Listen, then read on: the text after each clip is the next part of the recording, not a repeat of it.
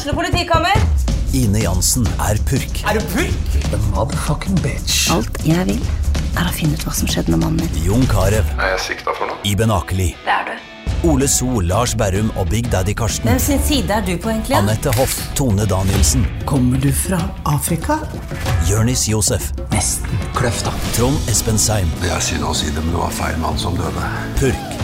Premiere tirsdag på TV2 Play. Hei, og velkommen til en ny episode av Debrif med Dag Sørås. Ja, da var vrangforestilling eh, historie. Jeg er ferdig, jeg hadde siste jævla forestilling. Eh, I helga så var vi i, eh, i Harstad, og så var vi på Sortland. Jeg tror eh, preposisjonene er korrekt så langt. Og så på mandag hadde jeg aller siste show på Ole Bull scene i Bergen, og så eh, ferdig. Over føles litt vemodig, men føles eh, Heller Med det samme jeg var ferdig, føltes det vemodig. Nå føles det bare godt. Det kan jo selvfølgelig ha noe med at jeg kunne faen ikke hatt ei bedre beregning på siste forestilling enn jeg hadde. For selvfølgelig, dagen etterpå ble det jo klart at eh, ting delvis stenger ned igjen, og det blir eh, begrensninger på forestillinger, og meteren er tilbake, og faen i helvetes kuksuger, alt det der faenskapet. Ting er tilbake til å bare føles trist. Jeg sto på, eh, jeg sto på Latter i går. Det var siste forestilling på mandag med vrangforestilling, og så var det rett på Latter og teste ut litt nye ting. Og, men det var altså en følelse som, ja, som jeg ikke har kjent på siden ja, siden ting var, var nedstengt her i Oslo, hvor jeg bare kom inn på Latter, og du bare føler at alle er utrygge. Man er usikker. Når kan jeg ta, kan jeg ta av meg munnbindet? Hvordan er det igjen? Er det, på, er det påbudt, eller er det bare anbefalt? Og hvordan, er det med, hvordan hilser man på folk? Det er tilbake til de triste, jævla, tragiske tilstandene, som selvfølgelig ikke blir bedre av eh, bokstavelig mørke eh, ute. Så, eh, så det føles trist som faen, men derfor er jeg også eh, sykt glad for at jeg er ferdig med turneen. Og det, det var jo en stund der hvor jeg var, eh, var direkte misunnelig på de som skulle, skulle liksom sette opp show igjen over, over nyåret. Men nå er vel dem i samme jævla situasjon hvor de begynner å stresse. Men fuck, kommer det her til å bli noe av? Det er vanskelig å promotere showene sine, billettsalget stopper opp. Så derfor så må jeg bare si takk som faen for at det var så jævlig bra oppmøte i Harstad. Sortland var utsolgt, Bergen var utsolgt. Eh, Harstad var det også veldig bra salg. Men uh, ja, jeg, kunne risikert at det, at, at det ble uh, halvfullt, og at mange ikke møtte opp. Det skal sies, på, på Sortland så var det 120 stykker som ikke møtte opp fordi det var et julebord som hadde kjøpt en masse billetter. Så, uh, men det hadde ingenting å si. Det, det føltes helt greit, fordi det var utsolgt. Så, så det, ja, det, det, har, faktisk noe å si at du vet hvorfor det er noen tomme seter. Men men ja, jeg, jeg vet ikke. Det, det, det, ja, nå, jeg, er lei, og jeg, er faktisk lei av meg sjøl, så det er så godt å bare være ferdig. Jeg er lei av å høre min egen stemme stå og jabbe og si det samme jævla faenskapet. Eh, Jeg ble- egentlig overraskende lite lei showet. Jeg tror det er fordi jeg klarte å spice det opp. Eh, Jeg la til nye ting, jeg bytta ut. Fordi jeg, jeg starta jo turneen i eh, september 2020, og så gjorde jeg det med restriksjoner ut året, og så ble jo alt eh, eh, utsatt, avlyst eller utsatt eh, i begynnelsen av 2021. Jeg fikk gjort to show, men da måtte jeg jo skrive om en masse. Plutselig var det ting som ikke virka relevant, og så er det sånn at folk har lyst til å høre så jævlig mye covid-prat akkurat nå, sikkert ikke, så jeg skrev, skrev om ting og la til nye ting. Og så ble jo ting utsatt til høsten igjen, og da måtte jeg skrive om, så, så det showet jeg reiste rundt med nå, var, var eh, en del annerledes enn eh, enn det som eh, ja, det opprinnelige showet, men sånn skal det jo være. I tillegg så fikk jeg jo en, en ganske lang uh, bit om uh, Kongsberg-drapene, som, som, som jeg ble glad og fornøyd med, som gjorde at den føltes så ferskt når jeg gjorde den på hver gang jeg kom til den delen av showet, så, så var det akkurat så jeg livet litt til. Fordi uh, jeg kan ikke gå på autopilot med den, fordi det har jeg ikke gjort den så mange ganger. Så, så, så det er en smart måte å gjøre det på. Det gjør jo egentlig bare at jeg blir enda mer forundra over ja, de, de, liksom Når du har skikkelig store komikere som kan gjøre det samme showet i tre-fire år, og gjøre det identisk kveld ut og kveld inn, og tar fuckings vannslurk på samme øyeblikk hver eneste kveld, det er Ja, da, da har du Vi har forskjellig syke når du klarer det. Det ville vært umulig for meg. Og, eh, og ett og et halvt år med turné er absolutt eh, absolutt nok. Jeg er klar for, for nye vitser. Eh, de, må bare, de må bare skrives først. Akkurat nå har jeg null lyst til å gjøre det. For jeg, som sagt, eh, jeg ser frem til litt, litt ferie, koble litt av. Jeg trenger å lade batteriene, jeg trenger å få noen nye jævla impulser. Så Men nå skal det sies, det skjedde jo et par interessante ting i helga. Helga gjorde at jeg mista, jeg mista ytterligere tro på folk jeg allerede hadde minimalt med tiltro til, nemlig vaksinemotstandere og humoranmeldere. Og for å ta eh, førstnevnte først, så eh, ble jeg, jeg ble kontakta av eh, en journalist i Nettavisa, eller det vil si de kontakta managementet mitt. Så ringte Stian meg og så sa han hei, har du lyst til å prate med Nettavisa, de har lyst til å høre om det ene Eh, utspillet du hadde før om at uh, folk som ikke har tatt vaksiner, kan fucke off. Uh, så, ja, det er jo tre uker siden. Uh, skal de nå begynne å bringe det opp? Så jeg, men greit, jeg tar det skriftlig. Fordi jeg er klok av skade. Jeg har ikke lyst til å snakke med en journalist over telefon, og så skal jeg stole på at han, hun eller hen klarer å gjengi det jeg faktisk sa. Så jeg sa send meg noen spørsmål, så skal jeg svare på dem, for da kan jeg se hvordan det du, du, du, du styrer jo ikke hvordan de vinkler det, og hva de skriver imellom, men de kan ikke fucke opp direkte sitat. Så det var greit. Eh, den kom på trykk i Nettavisa, og Nordlys trykte også saken. Og så, allerede samme kvelden, så ble jeg, eh, får jeg melding fra ei eh, som hadde den mest fantastiske jobben man kan forestille seg. Jeg mener, kan det bli verre? Hun skrev at jeg jobber for Dagbladet skråstrek Se og Hør. Og da er det sånn, wow, snakk om å skrape bunnen av bøtta i begge jævla sjangre. I den grad det er noe forskjellig sjanger på Dagbladet og Se og Hør. Men hun hadde i hvert fall sett saken og lurte på om jeg ville uttale meg. Så jeg tenkte hva mer har jeg egentlig å si om det her? Så jeg skrev eh, send meg spørsmålene på mail, så skal jeg svare. Og spørsmålene var identiske. Hun, hun, bare stilte akkurat de samme spørsmålene som jeg svarer direkte på i, i, i Nettavisa og Nordlys. Så jeg tenkte sånn, ok, så hun vil bare ha den samme saken, men uh, de kan ikke reprinte. Og, liksom, jeg, jeg, jeg, vet da faen. Så jeg prøvde å svare litt annerledes. Um, uh, men det var de samme fucking spørsmålene. Og så, det her var da på uh, torsdag, var det vel. Og så kom det ikke noe på fredag, så jeg regner med at NMBK jeg blir å sette noe på trykk, og så plutselig så får jeg en melding fra jeg skriver hei, fin sak i Dagbladet, og da var det jo på, på forsida der rase mot vaksinemotstandere og bla, bla, bla, og da var det jeg husker jeg sendte en, mail til, til Stian, manageren min, og så skrev jeg bare jeg tror bare jeg logga av sosiale medier resten av dagen. Uh, og jeg gjorde ikke det, for jeg var, i, jeg, var i Harstad. Så hva jeg skulle gjøre? Jeg, jeg låner på hotellrommet. Så det tikka jo inn. Uh, særdeles, særdeles mye. Uh, det var da fælt hvor mye oppmerksomhet jeg skulle få.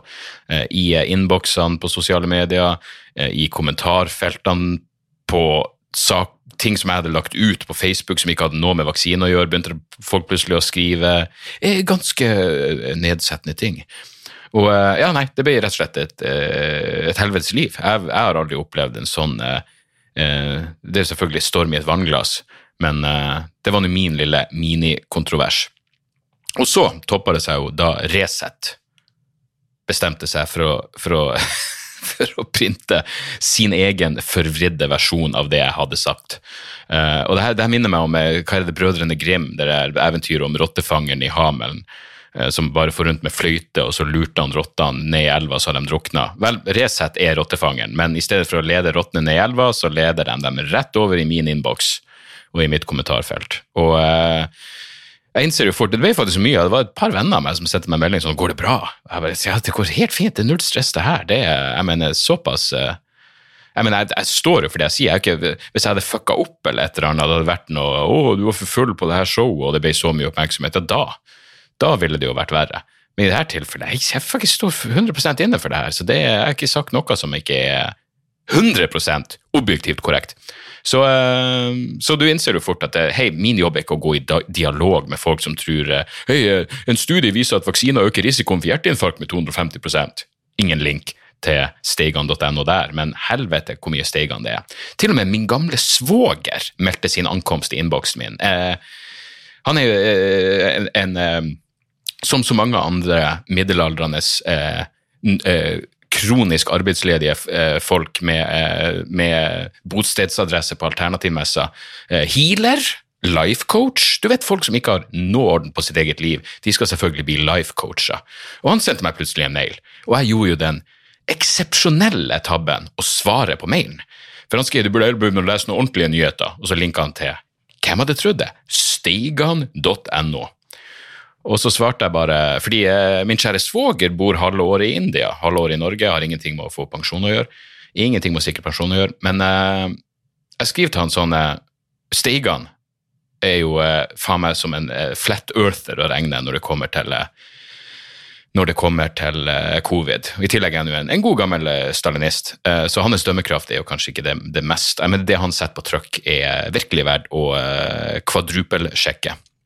Men så måtte jeg også skrive. Bor ikke du i India halvåret? Du, du, har India? Hvordan var det med covid igjen i India?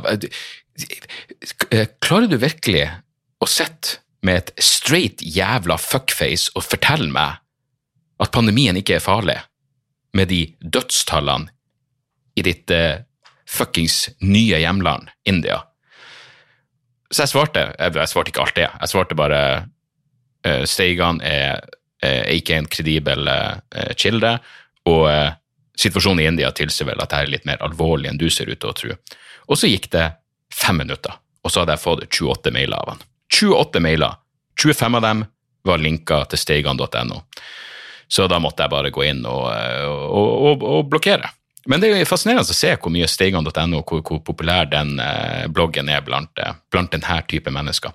Og så hørte jeg eh, faktisk i går, på vei hjem fra Latter, så hørte jeg Steigan på Skravleklassen, som er en som en podkast jeg liker. Og jeg vet også at Steigan har vært på Wolfgang Wie, og jeg prata vel på en Patrion-episode at jeg syns det er litt problematisk, for å bruke et fasjonabelt ord, når folk tar denne typen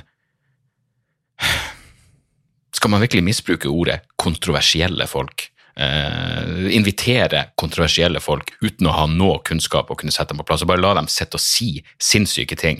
Og det Steigan fikk si på Skravleklassen, var blant annet at pandemien var planlagt. Pandemien var planlagt, og det var et møte i 2019, og så fikk han ingen kritiske oppfølgingsspørsmål.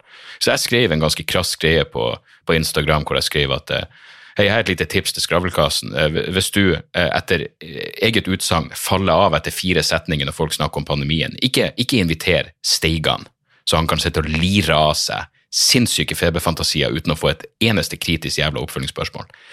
Og så skal det sies at uh, Stulla i Skravlklassen, så var han som gjorde intervjuet, sendte meg en SMS, og så skrev han hei, kan ikke du Han skrev en hyggelig melding og skrev at du må gjerne komme på podkasten og forklare hva, hva, du mener, og så svarte jeg at jeg mener egentlig ikke så veldig mye utover det jeg, jeg sa. Som er at hvis du skal ta, hvis du skal ha en samtale, de kaller det vel farlige samtaler, hvis du skal ha denne typen gjest, så bør du eh, forberede deg på hva han kommer til å si, for han har sine jævla eh, virkelighetsfjerne talking points, og så bør du sette dem på plass. Altså, jeg skjønner at det er vanskelig å prate med denne type mennesker, men derfor bør du virkelig vurdere om det, om det er verdt å gjøre det. Um, og så, og så sa jeg bare kult at du tar det som var ganske krass kritikk, på en så fin måte. Og så var han sånn, jeg, jeg tror Sturla svarte han, han var immun mot kritikk, så det var ikke noe problem. Uh, og så ble vi enige om at jeg, jeg kan komme på podkasten en gang til neste år, og uh, så kan vi sikkert ha en fin prat om, om et eller annet. Men det han, Skal vi se hva han skrev til meg, fordi jeg syns han sa det på en veldig bra måte. Uh, uh, uh, han skriver følgende Han skriver kunne for øvrig tenke meg å snakke om noe jeg er mer interessert i enn pandemi. Sosiale medier og dets logikk. Det er en interessant eh, diskrepans hei, nå skal vi være fine på det, mellom den outreach-tonen din overfor meg, skråstrek oss offentlig på SoMe, og den sivile, hyggelige tonen privat på SMS. Ikke kritikk, altså, bare en bemerkning. Og så svarte jeg ja, det er absolutt et interessant tema. Og det er jo helt sant.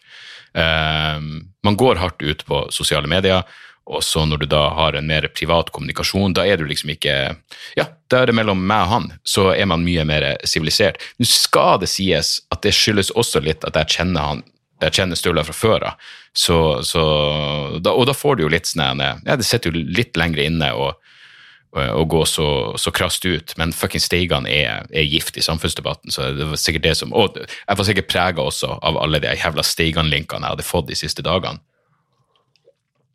Men det er jo sant, og det er jo også en, eh, en kjent eh, dynamikk som alle som får eh, hat i innboksen, vil oppleve. Som er at hvis du svarer høflig For eh, som sagt, måten jeg prøver å når, når, det blir sånn overveldende mye tilbakemelding, så kan jeg Jeg, jeg ser på det som havner i innboksen min, og så hvis det bare er et pissprat, så gidder jeg ikke å forholde meg til det, og blokkerer dem bare. Og, eh, og hvis det er noe givende, og av og til hvis jeg bare er i humøret, så, så prøver jeg å svare på en overbærende hyggelig måte. Sånn som det var en eller annen rapper som skrev til meg, Unique, en eller annen bad spit wannabe, som skrev at uh, dust og eh, hva enn han skrev for noe. Sikkert et eller annet om at jeg, jeg, jeg står for det Hitler sto for. Og så svarte jeg bare hørte på en av låtene dine, dritbra. Og da er de jo stadig, da er de jo automatisk litt mer på, på defensiven. Og det er sånn, jeg egentlig likte du har gjort det en lang tid, men, men det her var å gå for langt. og jeg, bare, jeg, jeg har aldri vært en vitenskapsfornekter, så jeg vet da faen hva du mener med at jeg går for langt nå. Og så var det i gang igjen med, med dårlig stemning. Men, men, men vanligvis, hvis, eller i dette tilfellet også faktisk, hvis du, hvis du svarer på en høflig måte og viser at hei, det er faktisk et, et menneske på andre sida av, av denne meldinga, så jekker de seg vanligvis umiddelbart ned. Uh, og det er da ve veldig mange av dem begynner å skrive at ah, 'jeg egentlig likte deg lenge', og jeg er sånn, jeg, vet, jeg tror det ikke, men, uh, men uh, whatever. Det, det, er ikke så jævla nøye. Som sagt, min jobb er ikke å gå i, i, dialog med de her folkene, og i den grad jeg gjør det, så er det kun fordi det er et rent jævla overskuddsprosjekt. Men jeg hadde faktisk en sånn et oppriktig ja, man, man, vet aldri Når det kommer til sånne her ting, så vet man ikke om er det er det dypt, eller er det bare banalt og kleint. Men det er uansett sant, så det er jo eh, per definisjon en del av, virkeligheten. Men midt oppi jeg drev og svarte på noen meldinger, og det var masse, og, eh, og drapstrusler, som alltid er interessant. Et par veldig spesifikke også. Um, så det er jo eh, alltid en, en, en fryd så, så, reiste jeg meg opp, og så sto jeg bare så ut av vindu, hotellvinduet i Harstad. Og så var det um, en liten familie der, med ei mor og en unge uh, som tydeligvis skulle gå i ei retning, og så skulle de si ha det til farvel til, til faren.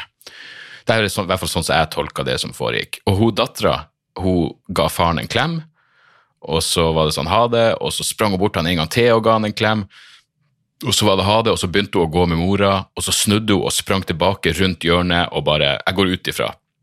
Ga faren en, en klem, og så kom han liksom bærende med henne. Det det var oppriktig rørende. Og jeg er jo en, en, unge på samme alder, og da begynner du å Hei, faen, kanskje jeg savner å være hjemme. og ja, mellom oss, kanskje jeg tørka en liten tåre også. Jeg er en følsom fyr. Men da fikk jeg bare den ene, igjen banale, men allikevel viktige innsikter som er at det er det der som er livet.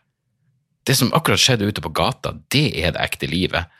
Ikke, ikke Ronny på Facebook som sier det er rottegift i Moderna-vaksiner. Han, han, er ikke Han er ikke en del av livet mitt. Takk fuckings satan for det. Um, så, så, så, det er et eller annet hvis man bare har litt perspektiv. Men det er klart, jeg er jo en fuckings, jeg er 43 år gammel, jeg burde ha det perspektivet. Det, det er garantert verre for eh, folk som er 18-19-20 år. Og som jeg sa, særlig hvis du, hvis du havner i en sånn eh, ministorm fordi du, du, har fucka opp. Da er det jo selvfølgelig atskillig verre. Det her er jo her er ingen problem med å Det er ingenting å forsvare engang. Så, eh, og så skulle man jo tro Det er det som er Det er ingen av dem som er smart nok til å liksom bare ha Jeg mener, det var jo en sak, og den er jo på ingen måte relevant til, uh, til det jeg sa om vaksine, men det er jo selvfølgelig kritikkverdige ting ved farmasøytindustrien. Jeg mener, eh, sånn som Pfizer, som er vaksine jeg har fått, har blitt anklagd for, eh, for krigsprofittering under pandemien. Ikke sant? Fordi de har, de har uh, tjent seg så jævla rik i en, i en uh, tragisk og uh, desperat situasjon for menneskeheten. Samtidig så kan jo jeg si meg helt enig, sånn som det er fra, skal vi se, fra Oxfam.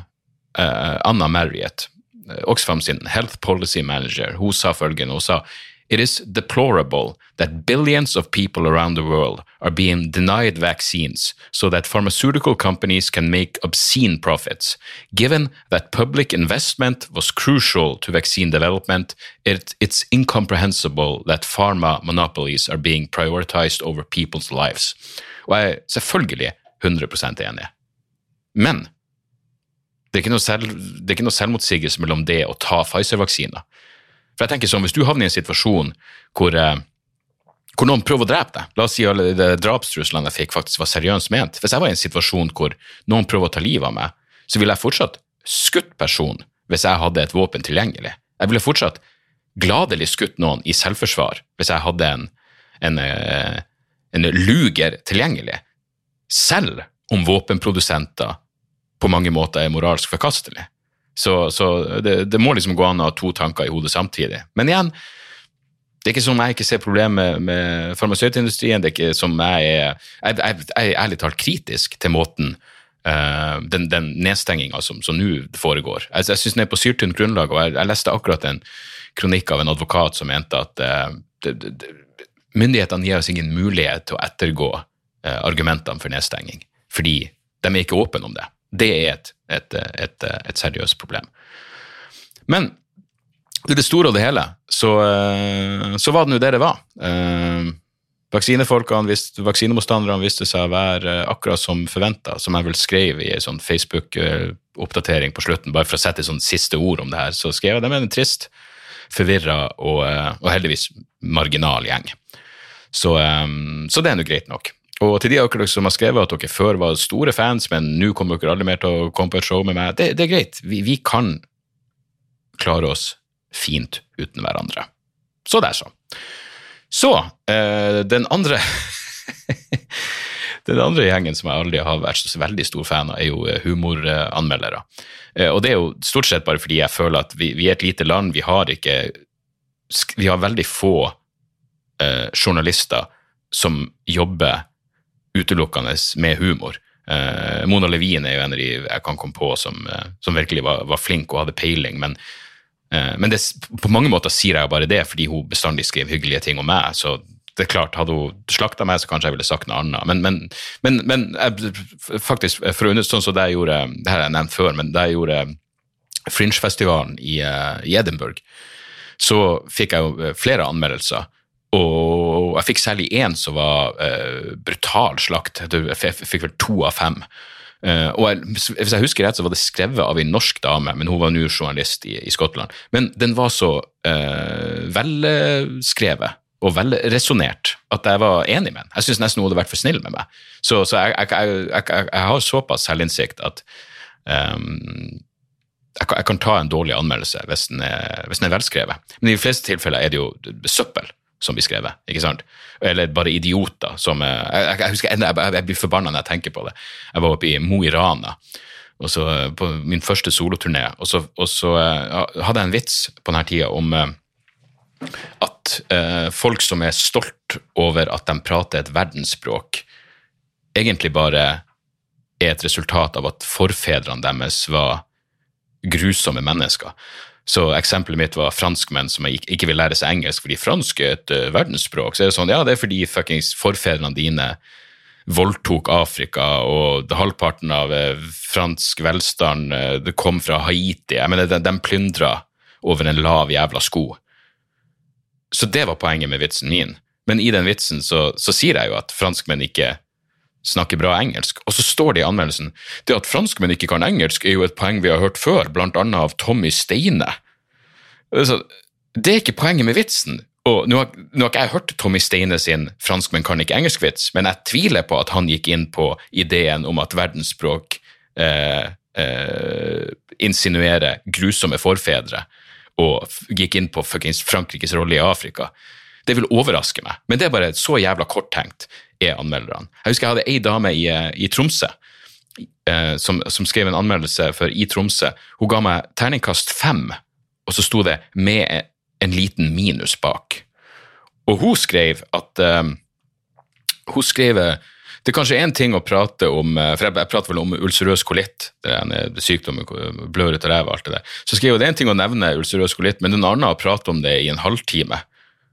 Jeg tenkte sånn jeg prater ikke om det i en halvtime, hvordan i helvete kan du Og så kom jeg på jo, vent, jeg prater om det, og så prater jeg om en masse annet, og så har jeg en callback til ulcerøs kolitt. Så da må hun bare ha sittet der og tenkt å ja, så alt det han sa i mellomtida om fuckings eh, 22. juli og den islamske stat, det, det var egentlig bare Alt det handla bare om å blø ut av ræva. Så det var den halvtimesbiten der. det, det er mye rævbløding. og Jeg, jeg ville vært enig hvis det hadde vært sant. Så jeg ser bare på anmelderne som, som, eh, som, eh, som folk som ikke forstår hva de er og ser på. Så uansett, det er nå greit nok. Um, og det er klart, når jeg da får en god anmeldelse, så tenker jeg å, endelig noen som har forstått meg. Så, så det, er jo, det, er jo, selvfølgelig noe i det. Men i hvert fall, så jeg, jeg, har, et show i Harstad, og så får jeg en mail fra eh, en person hvor det bare står eh, 'delirisk anmelder'. Og da er det en link til en anmeldelse i Harstad-tidene av vrangforestilling. Terningkast fire, og overskrifta er 'morsom, men bedre før'. Og da ble jeg sånn Det var noe rart at de hadde en anmeldelse av, eh, av showet mitt, fordi jeg har ikke fått så mange anmeldelser på vrangforestilling, og jeg husker at jeg fikk en veldig god anmeldelse av vrangforestilling for et år siden, for da var jeg i Harstad og gjorde showet mitt med covid-restriksjoner foran 200 mennesker. Og da, da, fikk jeg en veldig fin anmeldelse. Eh, jeg husker overskrifta var klassiker. Man kan ha full forståelse for folk som ikke tåler trynet på fyren men det var terningkast fem, og eh, journalisten skrev blant annet å holde koken alene på scenen i halvannen time uten å slippe oppmerksomheten et eneste sekund, det er en prestasjon i seg selv. Å klare å stå frem på denne måten og servere verbale skyts mot alt og alle som måtte komme i hans vei, er rett og slett imponerende. Og det er klart, sånn, det, det, en sånn paragraf gjør jo at man må revurdere sin, sin kritiske syn på humoranmeldere. Men den nye anmeldelsen, morsom, men bedre før. Da får man jo litt det der stikk i hjertet, for det er sånn Hei, det er noen som liker det jeg gjør, og så syns de jeg er bedre før.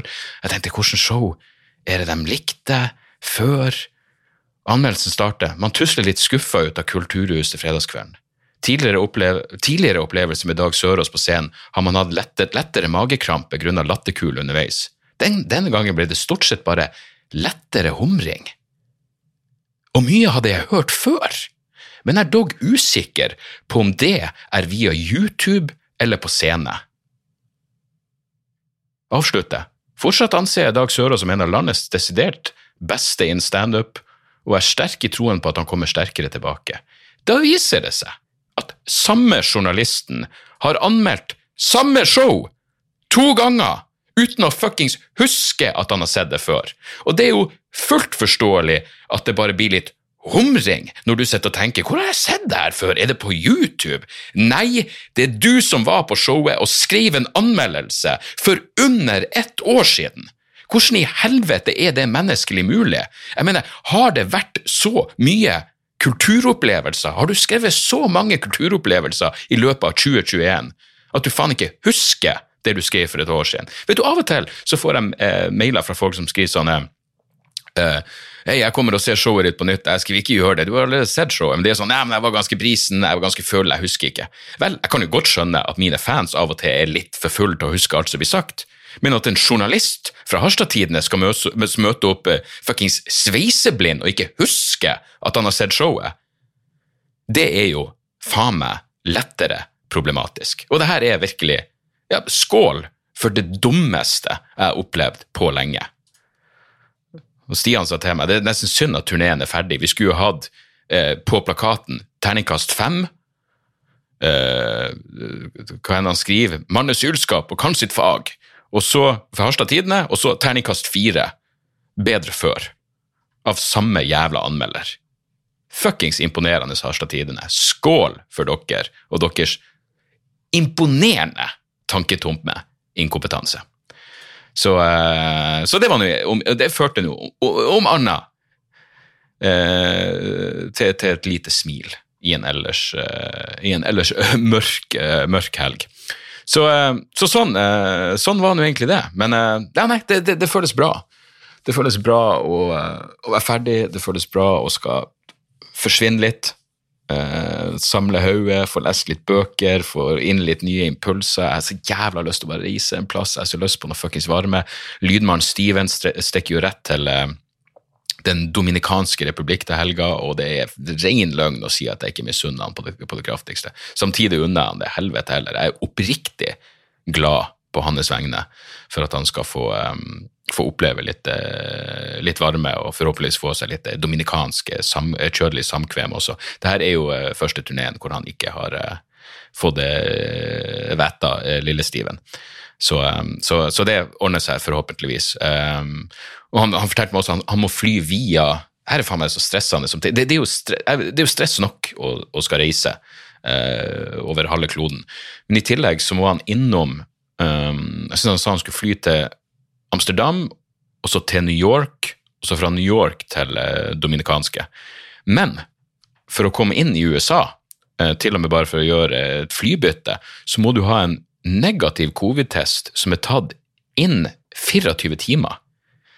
Det er faen ikke lett å få til når, uh, når du skal reise så jævla langt. Så uh, jeg vet da faen hvordan han skulle løse det. Du må vel kjøpe noen sånn privat test og bare fuckings ja, For det første å håpe at testen er negativ, selvfølgelig, og for det andre ja, å håpe at det ikke blir nok, at du får den i tide, og at den fortsatt gjelder når du lander. Helvete for et ekstra jævla stress.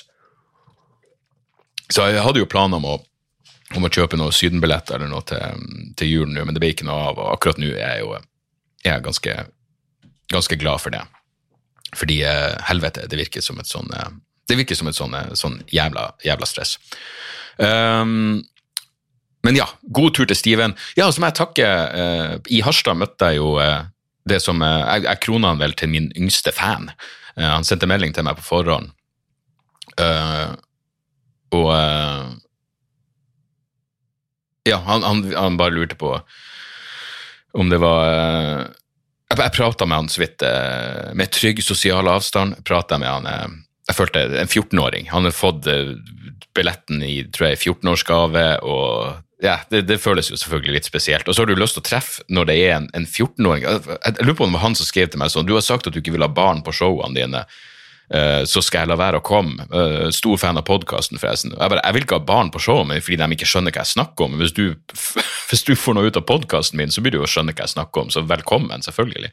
Og så forklarte jeg liksom vergeløsninga, hvordan han skulle komme seg inn. Og, han var veldig hyggelig. Uh, men han var jo åpenbart en, en, ja, en fan, en humornerd, så han var sånn Kan jeg stille deg et spørsmål?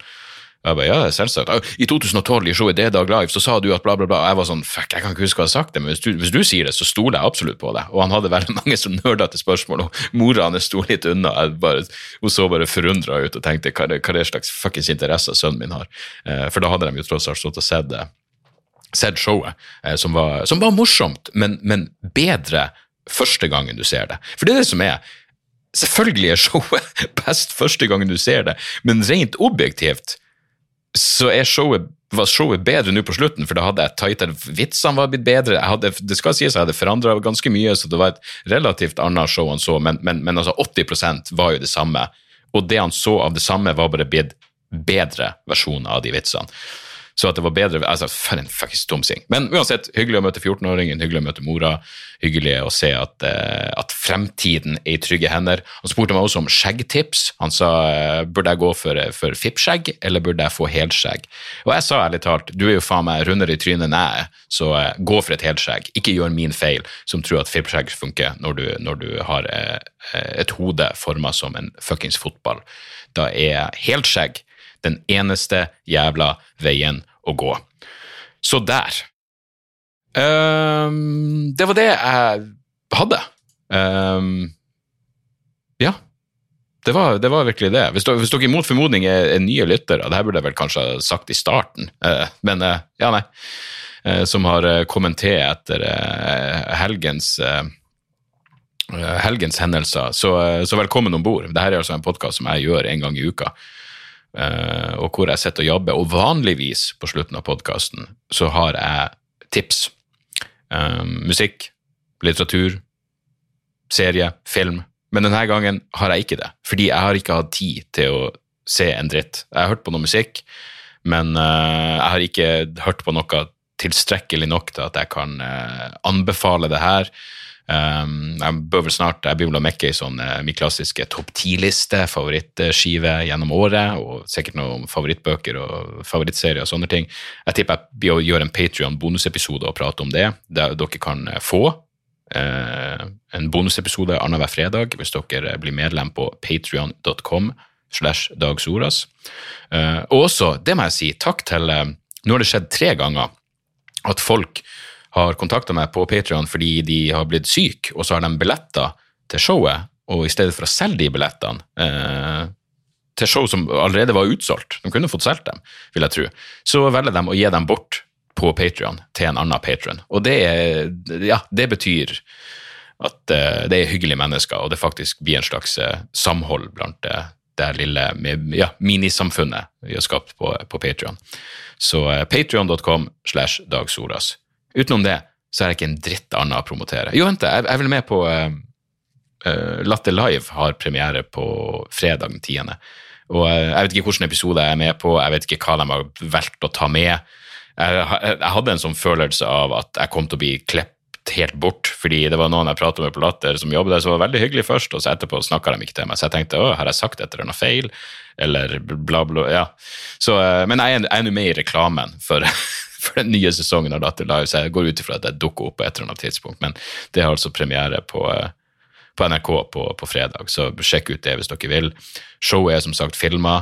Jeg har ikke fått sett resultatet enda, men vi skal nå få få redigert og miksa alt det der, det etter hvert, og så havner det ute på en eller annen plattform. Jeg har fått noen mailer med spørsmål, jeg aner ikke hvor det ender opp. Eh, om vi selger det på Vimeo som før, om vi Ja. Eh, om, om, det blir solgt til en eller annen plass, jeg aner ikke. Eh, det der må, det, det der skal mer, den, den handelen skal mer kompetente mennesker enn meg ta seg av. Men eh, jeg vil selvfølgelig få det ut så fort som mulig, og jeg blir selvfølgelig å rope ut straks det er ute. Og så kan han her fuckings tomsingen i Harstad-tidene se showet for tredje gang og tenke det er akkurat som det er noe kjent med det her, men det er ikke så gøy, jeg ser jo hvor de her vitsene er på vei. Terningkast tre. Uansett, vi høres neste uke, folkens. Jeg er glad i dere. Jeg håper det går fint i livene deres, og at dere er friske og glad og full av fremtidsoptimisme. Tjo og hei! Moderne media. Da er det reklametid, og ukens annonsør er fiken. Hør her, jeg, jeg, jeg avskyr ordet regnskap. Eh, gir meg assosiasjoner som er uhyggelige. Det får meg til å tenke på andre uhyggelige ord som ettersyn og underlivsundersøkelse. Men regnskap er et nødvendig onde, og fiken er et så enkelt regnskapsprogram at selv jeg kan klare å ha kontroll på finansene hvis jeg bruker det. Kan registrere kjøpene dine bare med å ta et bilde av kvitteringa med appen, og så kan du bare hive, hive kvitteringen. Hvor nydelig kan det bli? Og Fiken forholder seg også til regnskap med overkommelige ord. Det er ikke masse overkomplisert økonomisk terminologi. De kaller det kjøp og salg i stedet for hva enn de kaller det på BI. Og du kan, eh, du kan få fiken til å sende purringen dine, sånn at du slipper å gjøre det sjøl. Slipper du de der flaue øyeblikkene hvor du må skrive 'unnskyld meg, men det står noe utestående her, kan du fikse det fortest mulig', eller må jeg sende, sende mafiaen etter deg? Nei, fiken fikser det så kan du skylde på algoritmene. Du slipper dårlig stemning. Jeg syns det er utrolig greit å slippe å styre med sånne ting sjøl, og nå kan du prøve fiken gratis i 30 dager. Hva, hva har du å tape? Bokstavelig talt ingen verdens ting. Så gå inn på fiken.no og prøv fiken gratis i 30 dager. Ok? Det var det så vanskelig.